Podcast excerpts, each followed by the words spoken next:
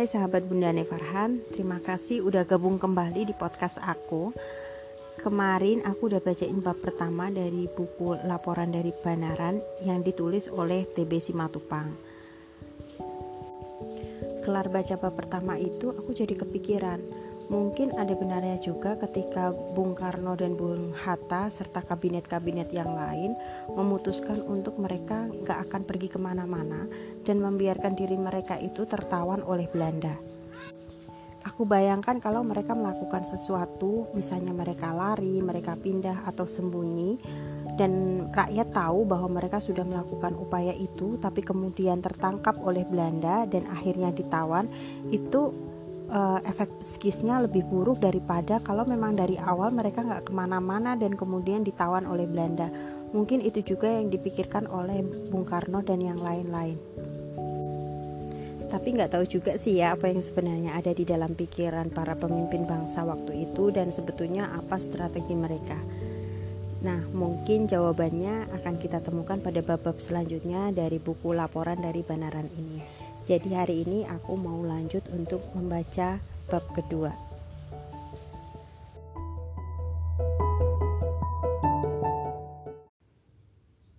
Bersama-sama Siliwangi. 20 Desember 1948 MPKD tidak dapat. Di Dekso ketemu Siliwangi Daeng. Di Kenteng ketemu LK Sudarto. Terus ke Samigaluh. Ketemu Daan Yahya dan Moko Ginta. 21 Desember 1948 Banyuasin Pembicaraan dengan Daan Yahya. 22 Desember 1948 Jati menyeberangi jalan besar, tiba di Sukowulu. 23 Desember 1948, ditembaki di Sukowulu. Daan dan Daeng hilang, Vermis.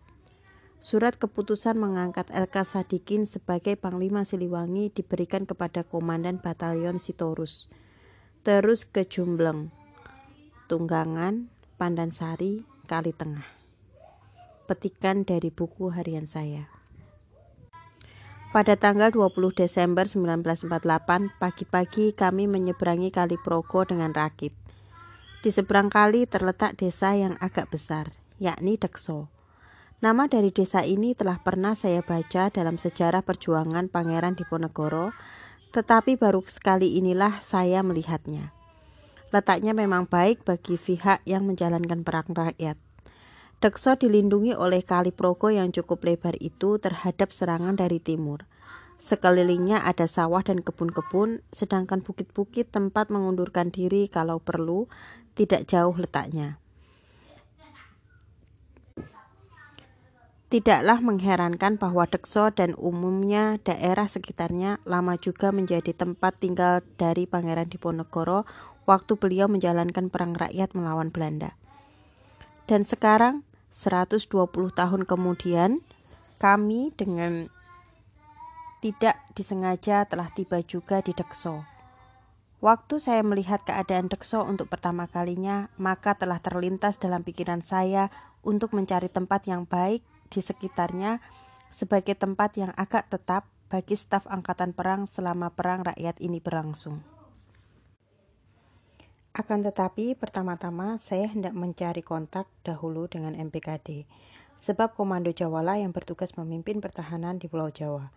Staf Angkatan Perang Teoritis harus mengkoordinir pertahanan kedua Pulau Jawa dan Sumatera, bahkan teoritis pertahanan dari seluruh Indonesia dan mengkoordinir pula tindakan-tindakan dalam bidang pertahanan dengan tindakan-tindakan dalam bidang politik, diplomasi, ekonomi, dan lain-lain.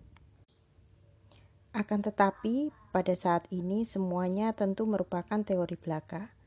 Sebagai wakil kepala staf angkatan perang, tentulah saya terlebih dahulu harus mempunyai kontak dengan MPKD dan Komando Sumatera. Barulah dapat dilihat apa yang dapat diperbuat lebih lanjut oleh staf angkatan perang. Selain daripada itu, tentulah harus secepat mungkin dicari kontak dengan Pak Dirman. Di Dekso tidak ada yang mengetahui tempat MPKD. Akan tetapi di sana ada satu batalion Siliwangi di bawah komando Mayor Daeng yang sedang menuju ke Jawa Barat. Daeng menceritakan bahwa sejak beberapa waktu batalionnya telah menerima perintah untuk segera menuju ke Jawa Barat apabila ada serangan Belanda. Jalan yang akan ditempuhnya dengan menghindarkan jalan-jalan besar telah dipelajarinya sejak beberapa waktu. Memang telah sejak beberapa waktu dikeluarkan apa yang dalam tentara dikenal sebagai perintah Panglima Besar nomor satu yang menentukan apa yang harus diperbuat oleh masing-masing kesatuan apabila Belanda menyerang. Dari Dekso, kami berjalan beberapa kilometer ke arah selatan ke Kenteng. Di sana kami bertemu dengan Letnan Kolonel Sudarto. Sudarto adalah seorang mahasiswa teknik di Bandung sebelum Jepang datang dan selama pendudukan Jepang, dia menjadi guru sekolah menengah di Jogja. Waktu serangan Belanda terjadi, dia menjadi komandan dari Brigade 17, yakni brigade yang bertugas untuk mempersatukan pasukan-pasukan yang sejak tahun 1945 telah dibentuk di beberapa daerah oleh pelajar-pelajar yang menceburkan diri mereka dalam perjuangan bersenjata. Sudarto menceritakan bahwa sejak beberapa waktu dia dan stafnya telah memilih dan juga telah mempersiapkan daerah sekitar Kenteng ini sebagai pangkalan pengunduran. Dan waktu menjadi jelas bahwa serangan Belanda telah dimulai pada tanggal 19 Desember lalu, dia dan stafnya menuju ke Kenteng. Sudarto juga belum mengetahui di mana tempat MPKD sekarang ini. Saya kira anggota-anggota MPKD itu masih belum terkumpul kembali setelah mereka dalam kelompok-kelompok kecil meninggalkan kota kemarin. Apa yang saya dengar dari Daeng dan Sudarto membayangkan apa yang terjadi di mana-mana pada hari-hari itu. Masing-masing pasukan sejak beberapa waktu telah mengetahui ke mana pasukan itu harus pergi apabila ada serangan Belanda, dan sedapat mungkin telah dijalankan juga persiapan-persiapan untuk pelaksanaan tugas itu. Ada pasukan-pasukan yang hanya tinggal berjalan beberapa kilometer saja untuk tiba di pangkalan pengundurannya seperti staf dari LK Sudarto. Ada pula yang harus menempuh beratus-ratus kilometer melalui jalan gunung untuk tiba di daerah pangkalannya seperti halnya dengan batalion Daeng yang sedang bergerak ke Jawa Barat. Umumnya, pasukan-pasukan yang dahulu berdasarkan persetujuan Renville dihijrahkan dari Jawa Barat – dari bagian barat dari Jawa Tengah dan dari bagian timur dari Jawa Timur sejak beberapa waktu telah bersiap-siap untuk kembali ke daerah-daerah asal mereka itu apabila Belanda menyerang. Hal yang demikian agaknya terjadi juga di Sumatera, tapi pada tanggal 20 Desember itu kami tidak mempunyai gambaran sama sekali mengenai apa yang telah terjadi di Sumatera.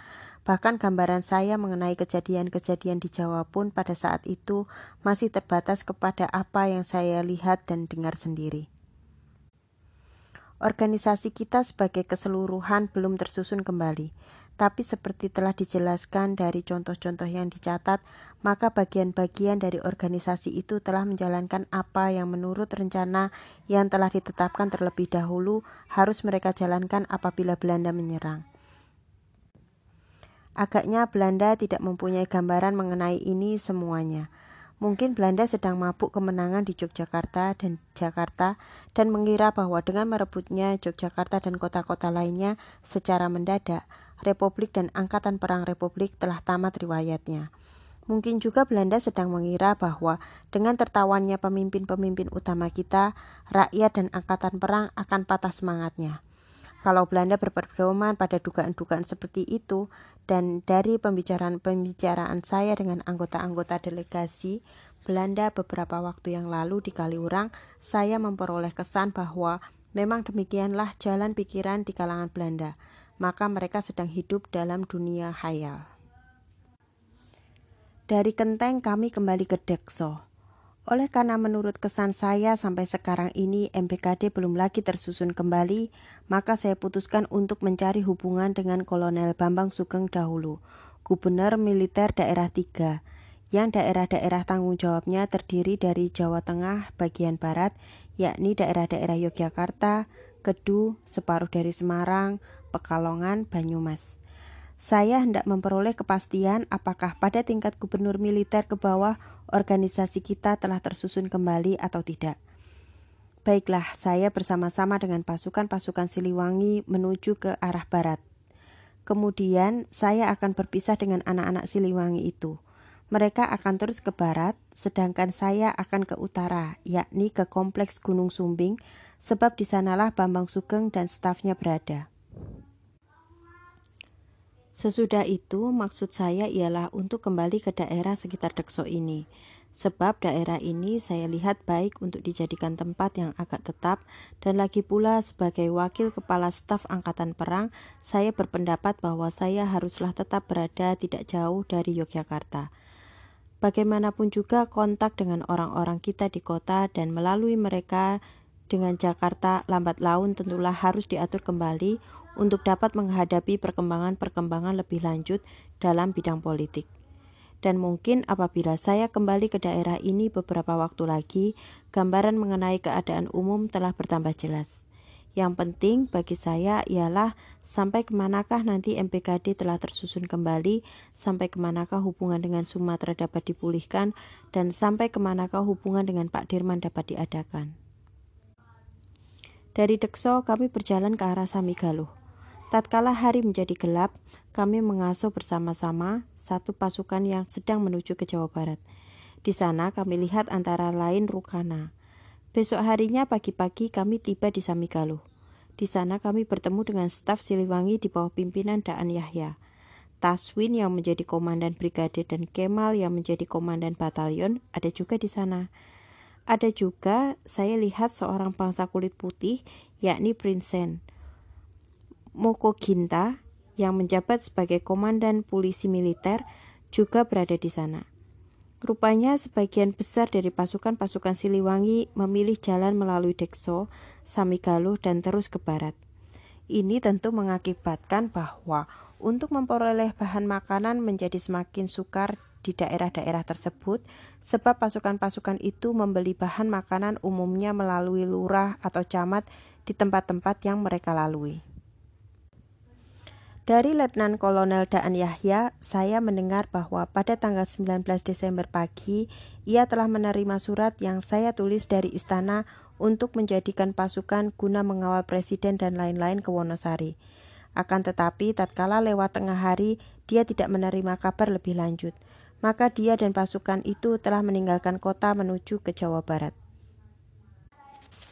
Daan dan Taswin adalah mahasiswa-mahasiswa kedokteran pada permulaan zaman pendudukan Jepang di Jakarta. Dalam hubungan daya upaya Jepang untuk menjepangkan dan memiliterkan atau paling sedikit mensemi-militerkan segala-galanya, maka mahasiswa-mahasiswa itu diharuskan untuk digundul kepalanya. Pada zaman Belanda, maka selalu ditekankan bahwa mahasiswa itu harus memiliki jiwa yang bebas terlalu bebas barangkali sehingga tindakan Jepang itu menimbulkan tantangan dari pihak para mahasiswa. Di antara mereka yang dianggap oleh Jepang sebagai biang keladi dalam sikap menentang itu, suatu kejahatan berat dalam suasana totaliter, terdapat juga Daan Yahya. Dia kemudian mengikuti latihan peta dan setelah proklamasi dia turut mendirikan Akademi Militer di Tangerang di mana umumnya pemuda-pemuda dari keluarga-keluarga yang tinggal di Jakarta menjadi taruna. Di antara pemuda-pemuda yang dimakamkan di Taman Pahlawan Tangerang umpamanya, terdapat dua orang anak dari keluarga Margono dan seorang anak dari keluarga Haji Agus Salim.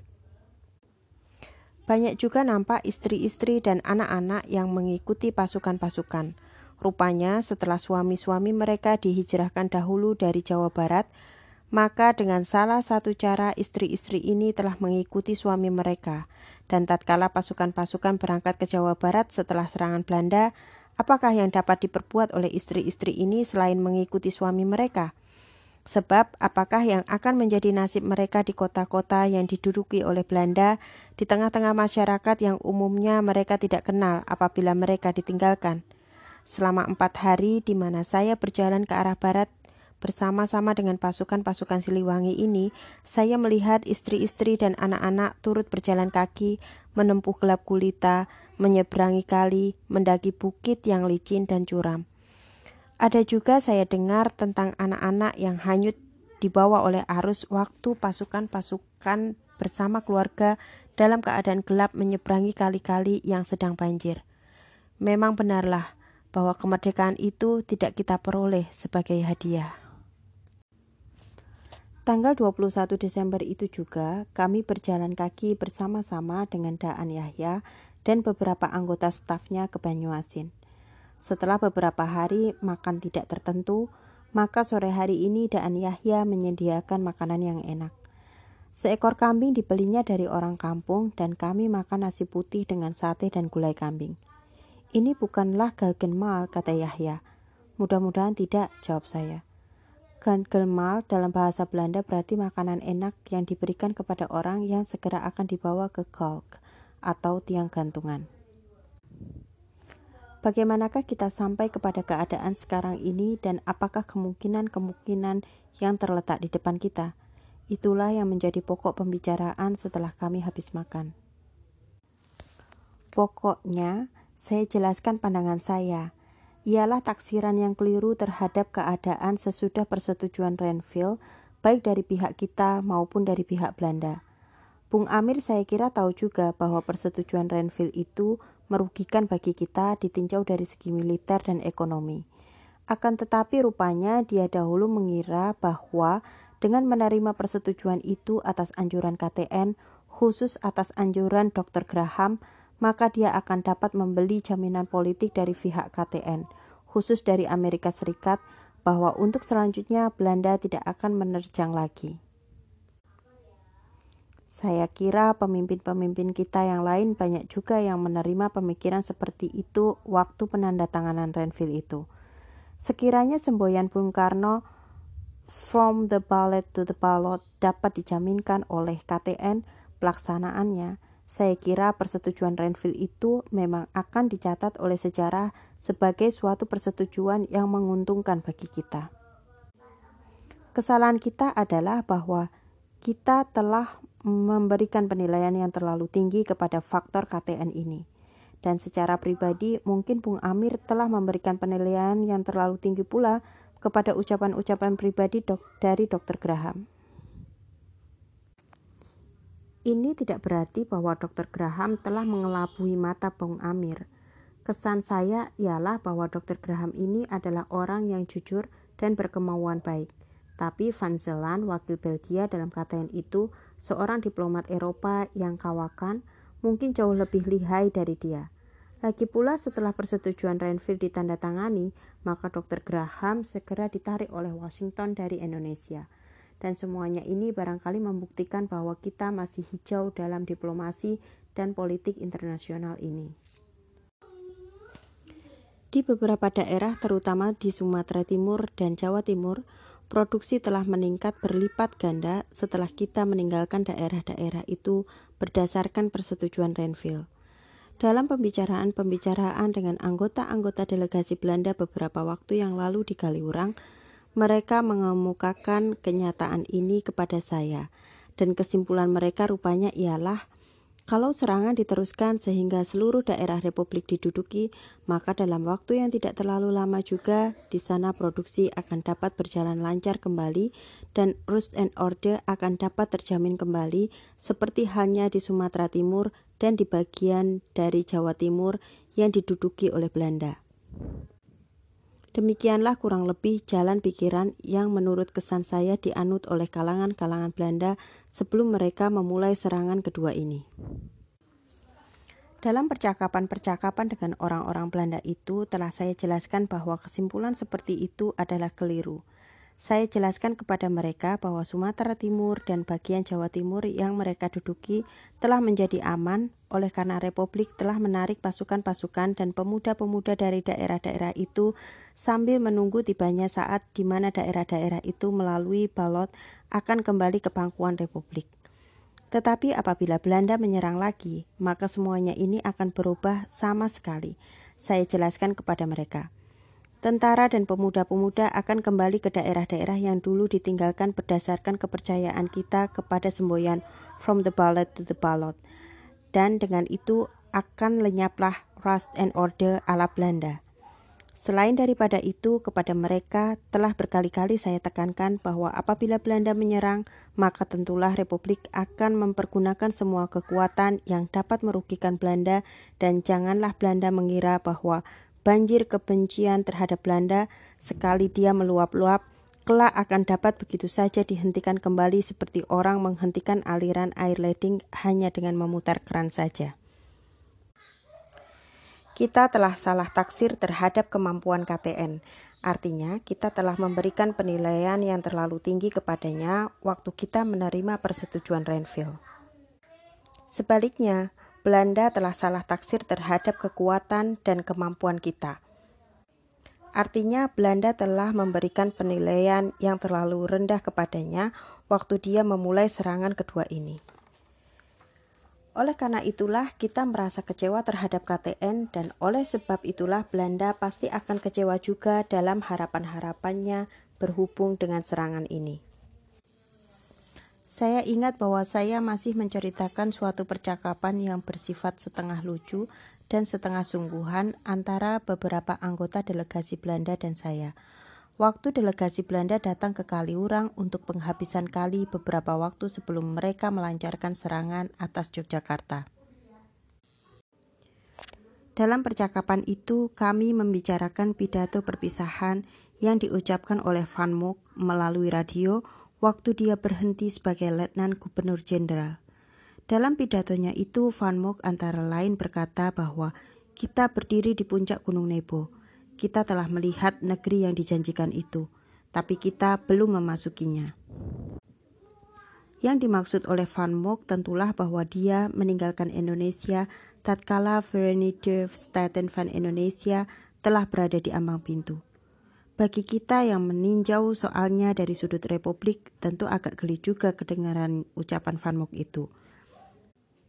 Seolah-olah menyamakan dirinya dengan seorang nabi, yang telah membawa Indonesia ke pintu gerbang kemakmuran dan kebahagiaan seperti dahulu Nabi Musa mengantarkan Bani Israel ke pintu gerbang kanan yang ditatapinya dari puncak Gunung Nebo sebelum dia wafat.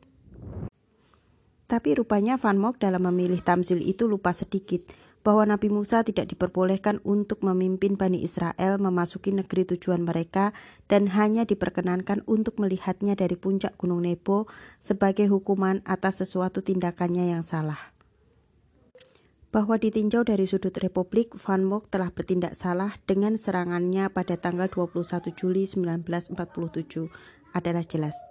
Tapi apakah Van Mook sadar akan hal ini waktu dia mengucapkan pidatonya? Oleh sebab itulah saya berkata setengah mengejek. Kenapa Van Mook berkata seolah-olah dia hanya sempat melihat negeri yang dituju itu dari puncak Gunung Nebo saja? Tuan-tuan toh tahu juga kenapa Nabi Musa tidak diperkenankan memasuki negeri kanan. Saya lihat orang-orang Belanda itu agak malu-malu juga mendengar kata-kata tadi selama beberapa saat. Tapi kemudian salah seorang di antara mereka membalas menyerang dan berkata, "Tapi barangkali Tuhan tahu juga siapa yang menggantikan Nabi Musa. Saya mengangguk-angguk. Ucapan ini memang adalah jawaban yang jitu, sebab Nabi Musa digantikan oleh Yusak, dan Yusak ini adalah seorang panglima yang memimpin pasukan-pasukan Yahudi menyerang negeri kanan. Menurut ceritanya, Yusak menyerang kota Jericho, pasukannya mengelilingi tembok kota, kemudian dia meniup trompetnya, dan runtuhlah tembok-tembok kota Jericho. Saya tidak salah tangkap terhadap ucapan anggota delegasi Belanda tadi. Ini adalah ancaman yang halus. Dan sekarang ini ancaman tadi telah menjadi kenyataan. Seperti halnya dengan Yusak yang menyerang Jericho setelah dia menggantikan Nabi Musa, maka demikianlah Bel menyerang Yogyakarta setelah dia menggantikan Van Mook. Yusak meniup trompetnya dan tembok-tembok Jericho runtuh. Bell mengucapkan pidato radionya pada tanggal 19 Desember pagi dan kota Yogyakarta jatuh ke tangan Belanda hari itu juga. Demikianlah berjalan omong-omong di antara kami di rumah Pak Lurah Banyuasin pada tanggal 21 Desember 1948 sore setelah kami kenyang makan sate kambing dan gulai kambing. Besoknya, tanggal 22 Desember, pasukan-pasukan yang sedang berjalan bersama-sama dengan kami akan menyeberangi jalan besar Magelang Purworejo. Tempat menyeberang telah dipilih dekat desa Jati. Dalam dua hari saja, pandangan kami terhadap artinya jalan, kota, gunung telah berubah sama sekali. Selagi tinggal di kota, maka yang kita perhatikan sebetulnya hanya kota-kota dan jalan-jalan yang menghubungkan kota-kota itu. Sedangkan daerah-daerah kiri kanan dari jalan-jalan dan daerah-daerah pegunungan hampir tidak kita pikirkan sama sekali. Setelah kota-kota diserang, maka pasukan-pasukan kita di mana-mana telah meninggalkan kota-kota dan menuju ke gunung-gunung. Kota-kota dan jalan-jalan besar sekarang ini dalam pandangan dari mereka yang sedang berada di gunung-gunung telah menjadi benda-benda yang asing yang diasosiasikan dengan musuh. Di luar kota-kota dan di jalan-jalan besar kita bergerak dan kita berkuasa. Kota-kota sewaktu-waktu harus diserang musuh yang memakai jalan besar, sewaktu-waktu harus dicegat dan apabila kita hendak menyeberang jalan besar, maka itu berarti bahwa kita melintasi daerah musuh atau paling sedikit daerah tidak bertuan. Sehingga penyeberangan itu sebaiknya dijalankan pada malam hari dan dengan persiapan yang teliti. Perubahan pandangan ini telah berlangsung dalam beberapa hari saja secara tidak sadar. Penyeberangan akan dilakukan apabila hari telah menjadi gelap. Kiri kanan dari tempat penyeberangan akan ditempatkan pasukan untuk menghindarkan bahwa pasukan-pasukan yang sedang menyeberang dapat disergap. Menjelang matahari terbenam, pasukan-pasukan yang akan menyeberang telah siap-siap beberapa jauh dari jalan. Hujan rintik-rintik turun dan jalan-jalan kampung menjadi licin. Banyak juga saya lihat orang-orang yang bukan tentara yang mengikuti pasukan-pasukan ini. Di antara mereka, saya lihat Khairul Saleh yang rupanya hendak berjalan bersama-sama dengan pasukan-pasukan ini ke Jawa Barat. Isyarat telah diberikan. Berturut-turut pasukan-pasukan maju bergerak, menyeberangi jalan, kemudian mengikuti jalan yang mendaki, turun ke bawah ke satu lembah, menyeberangi sungai yang kebetulan agak banjir dan sesudah itu dicapailah desa Sukowuluh. Kami yang tidak membawa apa-apa kecuali ransel yang ringan, staf Siliwangi telah memberikan sebuah ransel dan sekedar pakaian kepada saya, telah sangat penat waktu Sukowuluh tercapai lewat tengah malam. Tentulah istri-istri dan anak-anak lebih letih lagi. Kami tidur di salah satu rumah di Sukowuluh sedangkan Daan Yahya dan Daeng berjalan terus untuk melihat pasukan-pasukan yang terdepan. Beberapa waktu kemudian terdengarlah tembakan-tembakan. Dari mana datangnya tidak terang. Hari sudah remang-remang. Pasukan-pasukan nampak bersiap-siap, patroli-patroli dikirimkan untuk melihat apa yang terjadi. Beberapa waktu kemudian terdengar lagi tembakan-tembakan. Rupanya pasukan musuh yang agak kecil menembaki dari sebuah bukit tetapi segera mengundurkan diri lagi sebab kekuatan kita sekitar Sukowuluh waktu itu memang agak besar juga. Selama beberapa jam masih dikirim patroli ke kiri kanan, tetapi musuh rupanya sudah pergi. Anehnya, Daan Yahya dan Daeng belum juga nampak.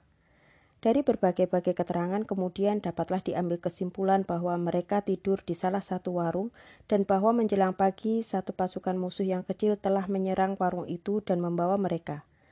Tembak-tembakan pertama rupanya terjadi waktu penyergapan itu. Rupanya sudah menawan orang-orang yang ada di warung itu, yang kebetulan adalah kepala staf divisi dan seorang komandan batalion. Maka pasukan musuh itu telah cepat-cepat kembali sedangkan kemudian pasukan musuh yang lain menembak-nembak sekedar untuk menimbulkan suasana gelisah di kalangan kita. Rupanya kenduri kambing di Banyuasin kemarin telah merupakan gagenma juga bagi Daan. Baru setelah kami kembali ke Yogyakarta, dia akan dibebaskan dari tempat tawanan di Cilacap. Banyak juga tergantung dari nasib baik atau fate dalam perang seperti ini. Sekiranya kami tidak tinggal di Sukowuloh, waktu Daan Yahya dan Daeng terus berjalan untuk melihat pasukan-pasukan yang terdepan, mungkin kami juga harus menunggu-nunggu penghentian permusuhan dalam tawanan Belanda. Dengan hilangnya Daan Yahya, maka Siliwangi tidak mempunyai pimpinan lagi. Sebab pada waktu itu Siliwangi tidak mempunyai panglima, hanya kepala staf saja. Dan kepala staf ini sekarang harus dianggap vermis. Dalam teorinya soal ini, tidak menjadi soal yang langsung harus saja diselesaikan sebagai wakil kepala staf angkatan perang, sebab Komando Jawalah yang langsung harus membereskan ini. Tetapi saya kebetulan mengalami sendiri peristiwa ini dan pada saat ini belum jelas di mana adanya Komando Jawa. Oleh sebab itu, saya berpendapat bahwa saya harus mengambil sesuatu tindakan. Menurut ingatan saya, maka komandan-komandan brigade dari Siliwangi waktu itu adalah LK Sadikin, LK Kusno Utomo, dan LK Taswin. Di antara mereka itulah Sadikinlah yang tertua. Oleh sebab itu, pada saat dan tempat itu juga saya buatlah surat keputusan darurat untuk mengangkat LK Sadikin sebagai pemangku jabatan Panglima Siliwangi. Waktu surat itu saya tulis, maka Sitorus dan Silitonga berada di dekat saya. Surat itu saya sampaikan kepada Sitorus yang memegang komando batalion untuk disampaikan kepada LK Sadikin. Berat juga rasanya untuk berpisah dengan pasukan-pasukan Siliwangi ini justru pada saat seperti ini. Tetapi saya merasa bahwa saya tidak dapat mengikuti pasukan-pasukan ini ke Jawa Barat, sebab saya harus berada tidak terlalu jauh dari Yogyakarta untuk dapat mengikuti perkembangan lebih lanjut. Dari Sukowulo ini pasukan Siliwangi akan terus ke arah barat sedangkan saya akan pergi ke arah utara untuk melihat keadaan di daerah Gunung Sumbing. Sesudah itu, saya akan kembali lagi ke daerah Yogyakarta. Apa yang saya alami selama beberapa hari waktu saya berjalan kaki bersama-sama pasukan-pasukan Siliwangi ini tentulah akan berulang-ulang mereka alami sebelum mereka tiba di Jawa Barat, yakni menyeberangi jalan, menyeberangi kali, penyergapan-penyergapan, menempuh jalan-jalan gunung yang licin di waktu malam. Walaupun begitu, saya lihat bahwa semacam kegembiraan sedang meliputi pasukan-pasukan ini, mungkin oleh karena mereka merasa bahwa bagaimanapun juga mereka sedang menuju ke kampung halaman mereka sendiri di daerah Parahyangan yang indah permai itu. Sesudah persetujuan Renville ditandatangani dahulu, saya telah diutus oleh pemerintah ke Jawa Barat untuk mengatur hijrah dari pasukan-pasukan ini. Sekarang ini saya seolah-olah menghantarkan mereka sampai Sukowulo dalam perjalanan mereka kembali ke Jawa Barat. Teringatlah saya kepada suatu hari pada saat-saat terakhir yang akan menentukan apakah persetujuan Renville itu akan diterima atau ditolak. Kalau ingatan saya tidak salah, maka Bung Amir pada hari itu tidak dapat meninggalkan Jakarta. Dan Dr. Leimena dan saya terbang dengan sebuah pesawat Beechcraft kepunyaan Angkatan Laut Amerika Serikat ke Yogyakarta. Hari itu juga kami harus kembali ke Jakarta dengan membawa kata putus dari Yogyakarta. Oleh karena sempitnya waktu, maka presiden dan wakil presiden sendiri akan memerlukan datang ke Maguwo untuk mendengar pesan yang kami bawa dan sekaligus memberikan ketentuan. Berdua saja kami menumpang pesawat yang kecil itu. Kami berdua sejak permulaannya telah mengikuti perkembangan yang membawa kita pada saat-saat terakhir perundingan ini.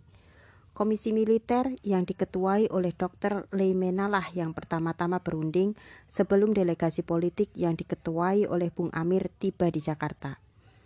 Waktu delegasi politik mulai berunding, sebetulnya pembicaraan antara Komisi Militer kita dan Komisi Militer Belanda telah mencapai jalan buntu, sebab mereka mendasarkan pendiriannya atas garis Van Mock, sedangkan bagi kita garis itu hanya ada dalam impian Belanda saja. Kami telah ikut bolak-balik dari Jakarta ke Yogyakarta kami telah mengikuti sidang-sidang yang tidak ada habis-habisnya dari kabinet raksasa yang dipimpin oleh Bung Amir bersama-sama anggota-anggota delegasi Istana Presiden di Yogyakarta setiap kali delegasi kembali ke ibu kota untuk memberi laporan. Kami telah menghadiri pertemuan di Kaliurang antara pemimpin-pemimpin Republik dan anggota-anggota KTN di mana Dr. Graham mengucapkan kata-katanya yang bersayap Tatkala kepadanya ditanyakan bagaimanakah kedudukan Republik sekiranya persetujuan Renville diterima. You are what you are. Walaupun begitu, pada saat yang hening dalam pesawat Beechcraft itu, saya bertanya seolah-olah kepada diri saya sendiri. Apakah jalan kita ini benar? Om Yo menyahut, kita sebagai bapak tidak akan memberikan sesuatu yang tidak baik kepada anak-anak kita saya telah merenung-renungkan persoalan yang kita hadapi dan saya yakin jalan kita adalah benar. Dan saya tahu apabila dia berkata anak, maka kita yang dimaksudkannya ialah antara lain anak-anak Siliwangi ini yang sekarang dari Sukowuluh akan berjalan kaki beberapa ratus kilometer lagi sebelum mereka tiba kembali ke Jawa Barat. Dari Sukowuluh, Sasra, Muslimin, dan saya bersama-sama dengan beberapa pemuda pelajar yang ingin mengikuti kami berjalan ke utara melalui Jumbleng, Tunggangan, Pandansari, kami tiba di Kali Tengah. Di Pandansari kami bertemu dengan Mayor Wiluyo, yang oleh Kolonel Bambang Sugeng diperintahkan untuk mendatangi komandan-komandan brigadenya, yakni LK Jani di Kedu Semarang, LK Soeharto di Yogyakarta, dan LK Bahrun di Pekalongan, Banyumas. Lurah Kali Tengah menerima kami dengan gembira. Dia menceritakan bahwa dia masih keturunan dari salah seorang pengikut dari Pangeran Diponegoro. Sampai di mana silsilah Pak Lurah ini benar, tentulah tidak dapat kami pastikan. Akan tetapi bagaimanapun juga keterangannya itu membuktikan bahwa cerita-cerita mengenai perang di Ponegoro masih merupakan faktor yang hidup di kalangan rakyat di daerah ini. Ini tentulah hal yang menguntungkan dalam menjalankan perang rakyat sekarang ini. Dan ditinjau dari segi rakyat di desa-desa ini, barangkali perbedaan antara perang di Ponegoro 120 tahun yang lalu dan perang rakyat sekarang ini tidak begitu besar di mana dahulu pangeran-pangeran yang memihak pangeran Diponegoro bersama pengikut-pengikut mereka disambut dengan gembira oleh Pak Lurah dan rakyat desa di mana-mana, maka sekarang ini Pak Lurah dan rakyat desa dengan gembira pula menyambut kolonel-kolonel dan pengikut-pengikut mereka. Yang pasti kami ketahui adalah bahwa Pak Lurah dan rakyat di Kali Tengah menjamu kami dengan ramah tamah pada malam hari itu.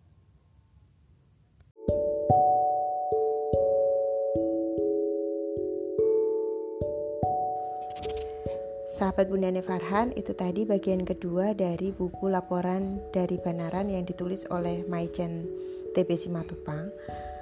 Uh, dari membaca dua bab pertama ini yang aku pahami adalah bahwa agresi militer Belanda kedua yang terjadi tanggal 19 Desember 1948 itu merupakan pengingkaran dari perjanjian Renville yang sebelumnya sudah dilaksanakan antara Belanda dengan Indonesia.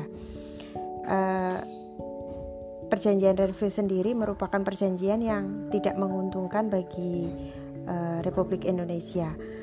Menurutku ada beberapa hal yang melatar belakangi kenapa kemudian pemimpin kita menyetujui perjanjian Renville yang merugikan Republik Indonesia itu.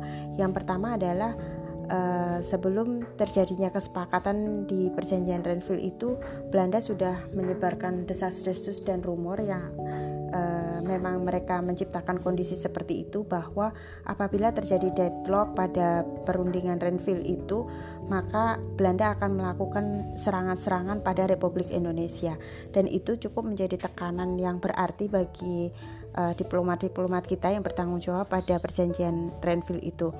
Kemudian yang kedua adalah adanya komisi tiga negara, uh, yakni dari Belgia, dari Australia, dan dari Amerika ketika uh, pemimpin kita menganggap bahwa adanya komisi tiga negara itu nantinya akan membantu uh, untuk memastikan bahwa perunding kesepakatan di perundingan Renville akan dijalankan dengan baik oleh Belanda.